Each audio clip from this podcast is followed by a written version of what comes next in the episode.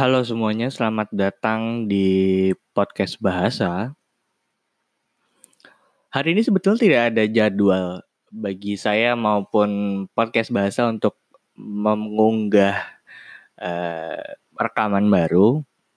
Tapi karena ada beberapa isu di masyarakat yang berkembang dan menggerakkan saya secara pribadi untuk uh, membuat uh, dalam tanda kutip konten untuk menjelaskan isu itu sebetulnya apa yang terjadi. Jadi hari ini ada rekaman baru yang akan saya naikkan di podcast saya. Jadi mari kita mulai podcast bahasa hari ini. Jadi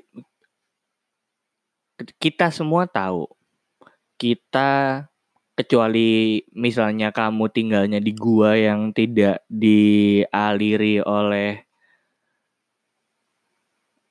jaringan apa pun, kita semua tahu kalau akhir-akhir ini banyak demonstrasi yang dilakukan oleh aliansi masyarakat dan mahasiswa yang menuntut beberapa hal, terutama terkait rancangan undang-undang yang akan disahkan oleh DPR dan pemerintah.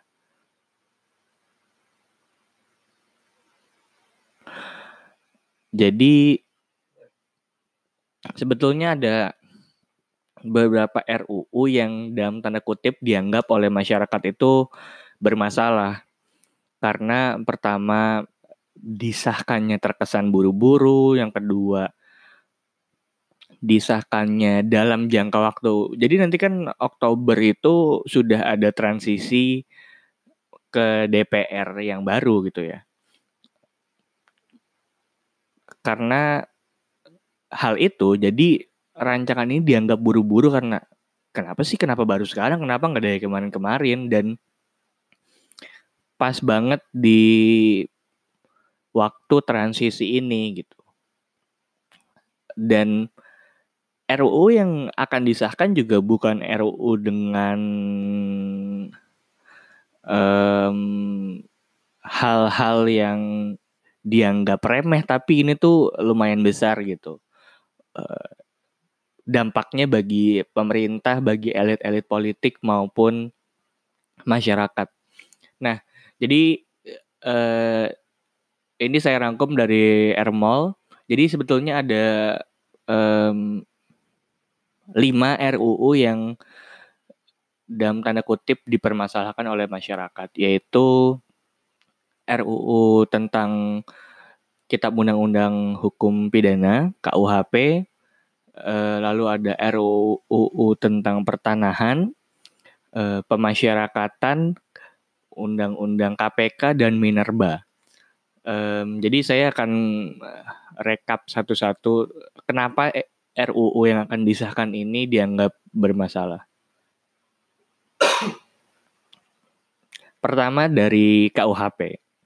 KUHP ini mungkin yang paling banyak kita dengar di masyarakat karena memang KUHP ini dianggap um, banyak pasal-pasal yang dalam tanda kutip itu berlebihan sampai menyeret uh, ranah privasi kita ke publik. Jadi masy- uh, pemerintah dan DPR yang akan men,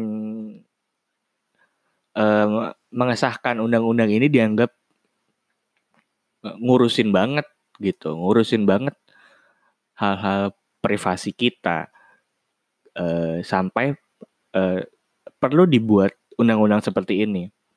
Jadi uh, uh, ini ada beberapa poin ya, ada 10 poin di RUU KUHP yang mungkin teman-teman sudah tahu dan ramai dibicarakan. Jadi ada pasal tentang uh, pasal 3470 RUU KUHP di mana korban perkosaan yang sengaja menggugurkan kandungannya karena diperkosa itu bisa dipenjara 4 tahun. Lalu ada wanita yang pekerja dan pulang malam, wanita pekerja apa pun yang pulang malam dan di jalan dalam tanda kutip terlunta-lunta di jalan dan dianggap gelandangan dikenai denda satu juta sesuai dengan pasal 432 lalu ada perempuan yang terpaksa menginap dengan lawan jenis untuk misalnya menghemat biaya ketika perjalanan keluar kota kalau misalnya RUU KUHP ini disahkan pada pasal 419 terancam dilaporkan ke kepala desa dan dipenjara sampai dengan enam tahun. Lalu pasal 432 pengamen yang mengganggu ketertiban umum bisa dikenai denda sampai satu juta. Lalu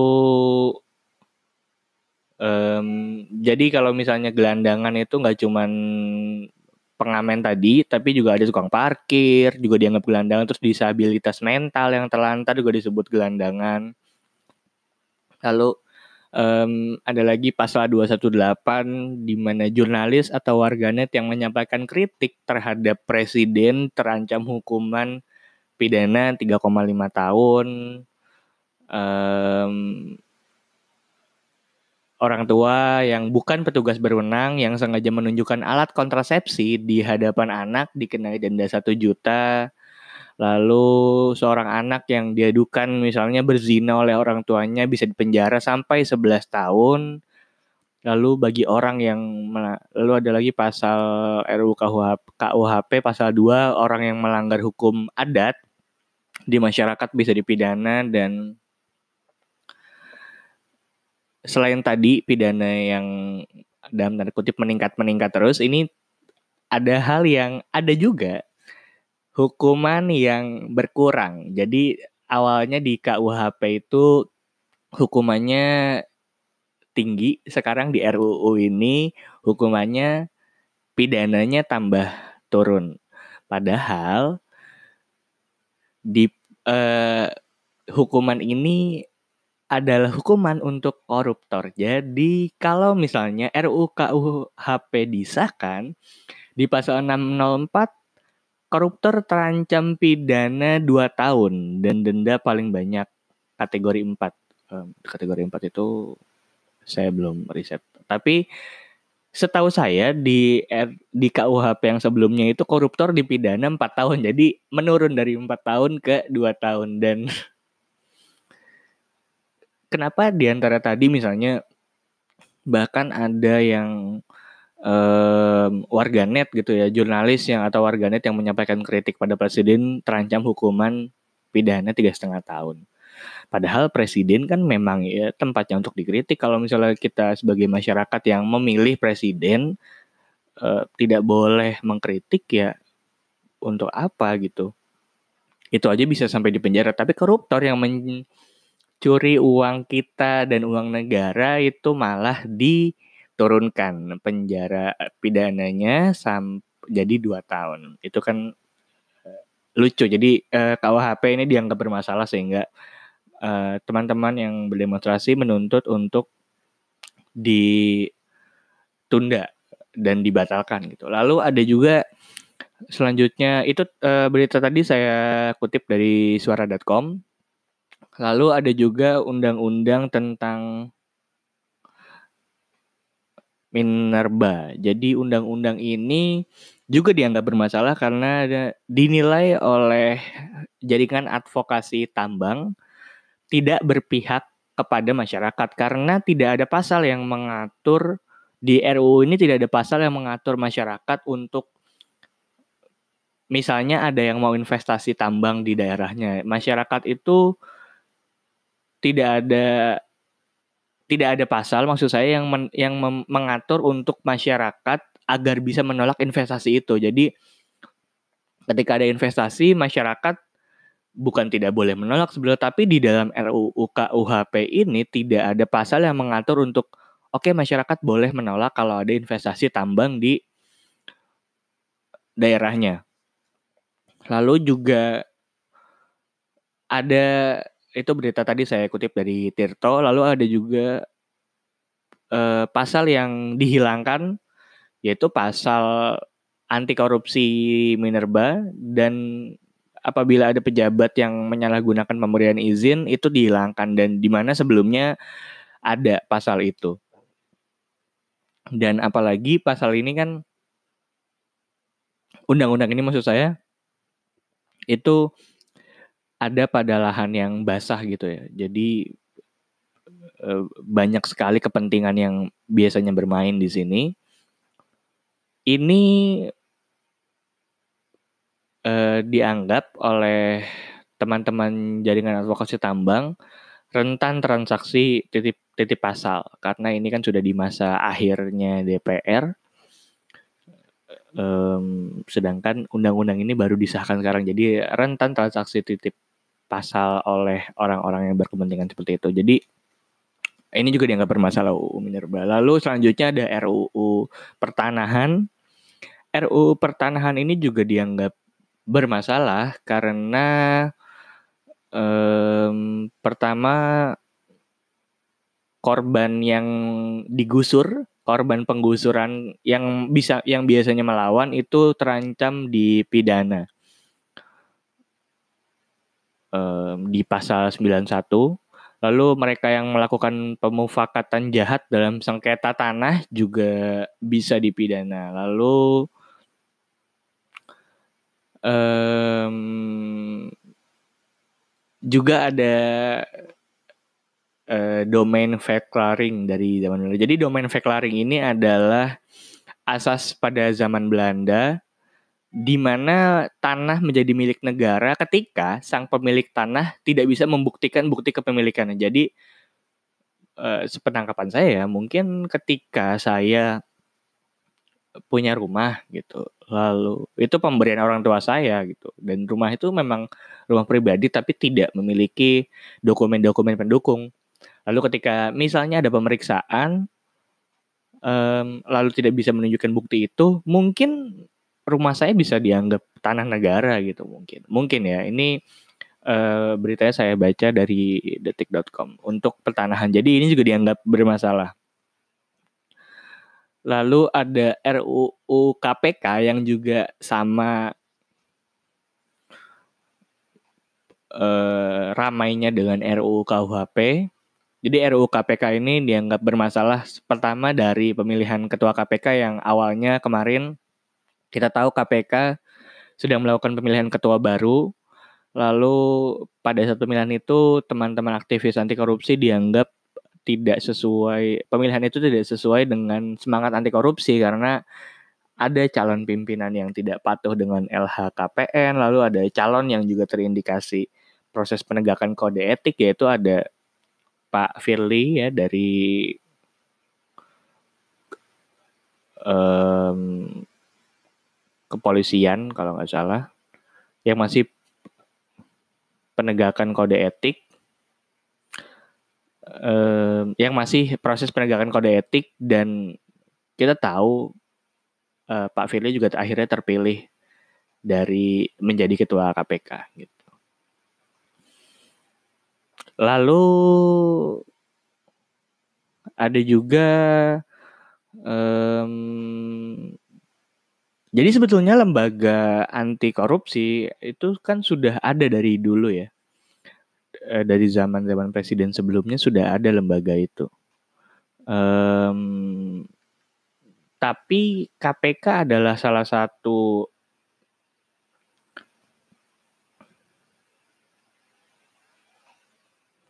lembaga yang um, dalam tanda kutip berhasil ya karena di zaman KPK ini yang ditangkap itu bukan cuman orang-orang kecil tapi juga mulai dari DPRD di kota misalnya sampai tingkat menteri itu sempat ditangkap oleh KPK dan pernah ditangkap gitu dan terakhir kemarin juga ada menteri uh, pemuda dan olahraga yang ditangkap oleh KPK karena dianggap korupsi bahkan dulu Pak Budiono, seingat saya sebagai wakil presiden juga sempat diperiksa sebagai saksi di KPK. Jadi memang power KPK itu sangat besar sekali sampai-sampai korupsi dari kecil sampai besar itu di sikat sama KPK gitu. Nah, lalu juga ada um, UU KPK ini dianggap bermasalah karena um, pertama uh, ini saya kutip dari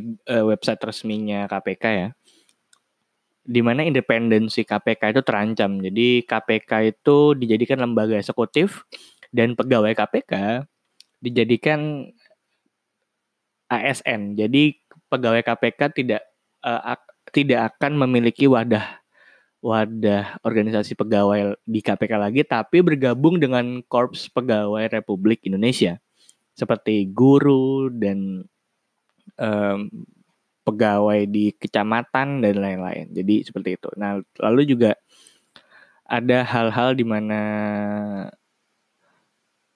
penyadapan yang biasa dilakukan KPK itu dibat dianggap dibatasi karena penyadapan ini harus dilakukan setelah ada izin dari dewan pengawas di mana dewan pengawas ini adalah semacam orang yang ditujukan untuk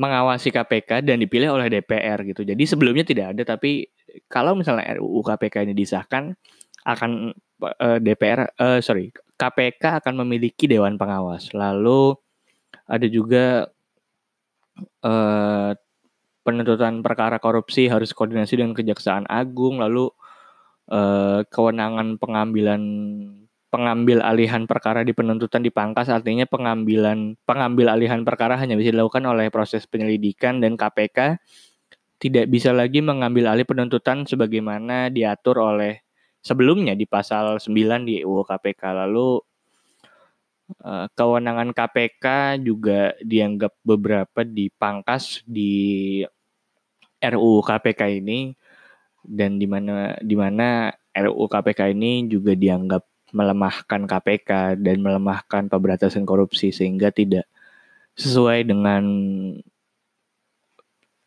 eh, tujuan kenegaraan kita di mana ya korupsi harus dihilangkan gitu. Nah, lalu yang terakhir ada RUU pemasyarakatan yang hari ini rencananya akan jam 10 um, tadi ini jam 10 tadi akan dirilis gitu, akan disidang paripurnakan. Uh, RUU pemasyarakatan ini uh, juga dianggap bermasalah karena di RUU Permasyarakatan ini ada pasal yang mempermudah pembebasan napi tindak pidana korupsi dan teroris di mana napi tersebut bisa langsung bebas tergantung dengan penilaian dari Direktorat Jenderal Pemasyarakatan sendiri. Padahal sebelumnya ketika napi teroris dan korupsi itu harus uh, mau bebas, itu harus ada syarat-syarat tertentu. Misalnya harus ada pandangan dari penegak hukum atau pandangan dari KPK misalnya ketika kasusnya ada nanti korupsi lalu harus menjadi justice collaborator gitu. Justice collaborator itu jadi misalnya ya misalnya uh, si A ini korupsi gitu ya. Dia itu pelaku gitu loh. Dia mengaku sebagai pelaku tindak pidana korupsi. Um, dia mengakui apa yang dilakukannya dan dia uh, tapi dia bukan pelaku utama. Misalnya tindak pidana korupsi ini dilakukan oleh uh, kumpulan orang-orang terorganisir, dia ini bukan pelaku utama, tapi dia ini harus mengaku kalau dia ini adalah salah satu uh, pelaku korupsi itu. Um, dan orang tersebut harus mau memberikan keterangan sebagai saksi dalam proses pengadilan. Jadi orang ini harus mau ngakuin, oke, okay, uh, eh, saya melakukan kesalahan dan uh, misalnya ada si ini, si ini, si ini melakukan ini, ini, ini, jadi gitu. Jadi uh, mereka itu berkolaborasi dengan penegak hukum untuk membongkar kasus ini agar bisa lebih di banyak lagi, lebih lebih banyak oh, lebih banyak pelaku yang dibuka lagi di situ gitu.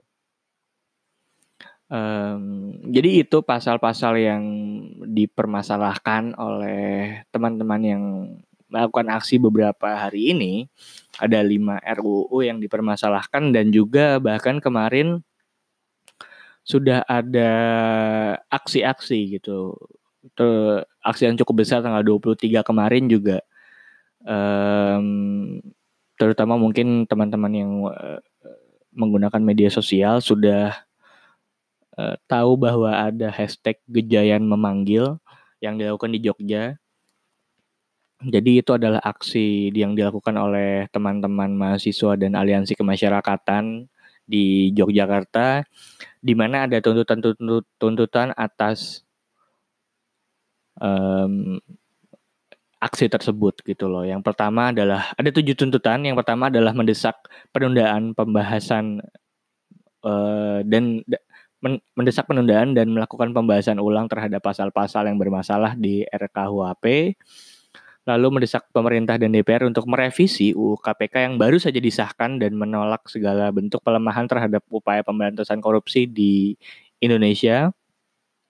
Lalu menuntut negara untuk mengusut dan mengadili elit-elit yang bertanggung jawab atas kerusakan lingkungan di beberapa wilayah di Indonesia, lalu menolak pasal-pasal bermasalah dalam RUU Ketenaga Kerjaan yang tidak berpihak pada pekerja, lalu menolak pasal-pasal problematis pada RUU Pertanahan, lalu mendorong proses demokratisasi di Indonesia dan menghentikan penangkapan aktivis di berbagai sektor, lalu mendesak pengesahan RUU penghapusan kekerasan seksual. RUU penghapusan kekerasan seksual kita tahu sudah bergulir bergulir lama informasinya.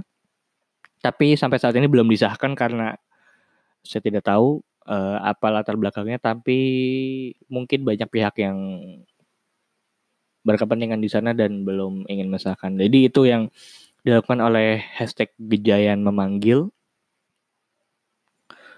Teman-teman di Jogja. Lalu hari ini juga rencananya ada aksi lanjutan di gedung DPR dan aksi lanjutan ini tidak hanya mahasiswa yang kita tahu mungkin banyak melakukan aksi-aksi.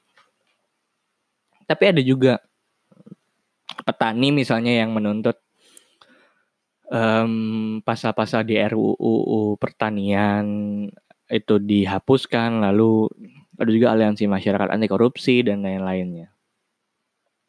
Jadi um, semua pasal semua pasal-pasal yang bermasalah yang tadi sempat saya bacakan itu dianggap bermasalah oleh teman-teman yang melakukan demonstrasi dan mungkin teman-teman yang tidak melakukan demonstrasi juga menganggap itu bermasalah karena seperti yang saya bicarakan di awal, aneh agaknya pasal-pasal yang RUU dan pasal-pasal yang sangat besar sekali dampaknya kepada masyarakat dan kepada elit politik seperti ini kok disahkannya terkesan buru-buru seperti itu. Di akhir di hari-hari terakhir masa-masa DPR yang akan berganti nanti. Jadi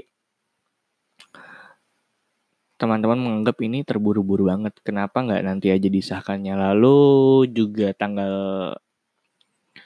eh, kemarin eh, saya baca dari CNBC di mana pengesahan RUU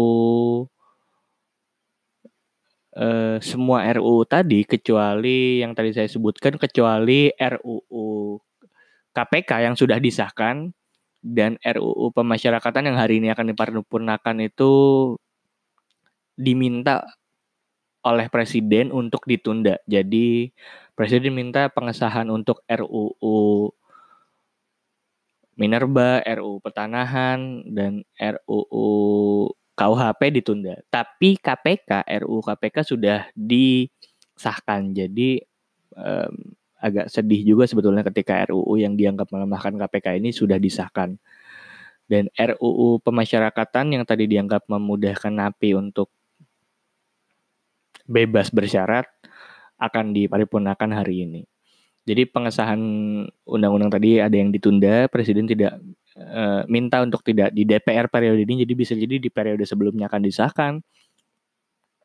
Um, lalu Sebetulnya ketika RUU KPK tadi misalnya sudah disahkan itu pemerintah e, lembaga eksekutif itu bisa mencabut RUU itu undang-undang RUU yang sudah jadi undang-undang itu men menggunakan Perpu atau peraturan pemerintah pengganti undang-undang. Tapi ketika ditanya apakah presiden akan menerbitkan Perpu untuk mencabut undang-undang KPK, presiden bilang tidak ada. Ini dari wawancara adat presiden dengan wartawan dan saya baca di detik.com, presiden tidak akan mengeluarkan peraturan pemerintah pengganti undang-undang untuk mencabut RUU KPK. Jadi satu-satunya cara untuk mencabut RUU KPK adalah dengan melakukan judicial review di Mahkamah Konstitusi. Jadi pasal-pasal yang dianggap bermasalah tadi diajukan untuk judicial review di Mahkamah Konstitusi. Lalu seperti biasa Mahkamah Konstitusi akan melakukan pemeriksaan apakah pasal-pasal yang di undang-undang itu um, bertabrakan dengan pasal-pasal yang ada di undang-undang dasar apakah tid atau tidak. Tuh, jadi itu satu-satunya cara terakhir untuk uh, melakukan pencabutan mungkin ya atau melakukan perlawanan terhadap UU KPK yang dianggap melemahkan KPK gitu. Nah, mungkin teman-teman juga ada yang akan melakukan aksi hari ini juga tanggal 24 September akan ada aksi lanjutan dan juga kalau di tempat saya di Surabaya um, nanti tanggal 26 hari Kamis akan ada aksi lagi.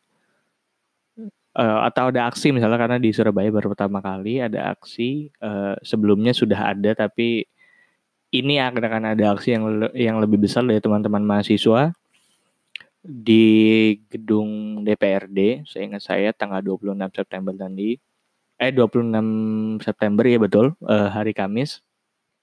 Jadi kalau saya pribadi um, menyemangati teman-teman yang akan melakukan aksi, silakan lakukan aksi asalkan tetap dalam koridor-koridor demokrasi dan koridor-koridor uh, keamanan dan ketertiban, lalu tetap fokus pada tuntutan-tuntutan teman-teman dan kita semua yang juga menjadi keresahan oleh uh, masyarakat. Dan tetap suarakan kebenaran-kebenaran yang telah kita perjuangkan bersama. Jadi saya pribadi tetap mendukung teman teman-teman semua dan semua isu-isu yang tadi adalah betul sekali. Uh, menurut opini pribadi saya betul sekali merupakan pelemahan-pelemahan terhadap tindak pidana korupsi lalu bahkan di KUHP itu banyak sekali aturan-aturan yang menyeret ranah privasi kita ke ranah publik. Jadi uh, bagi teman-teman yang akan melakukan aksi, tetap semangat dan tetap suarakan kebenaran. Eh, mungkin itu aja di podcast bahasa saya hari ini.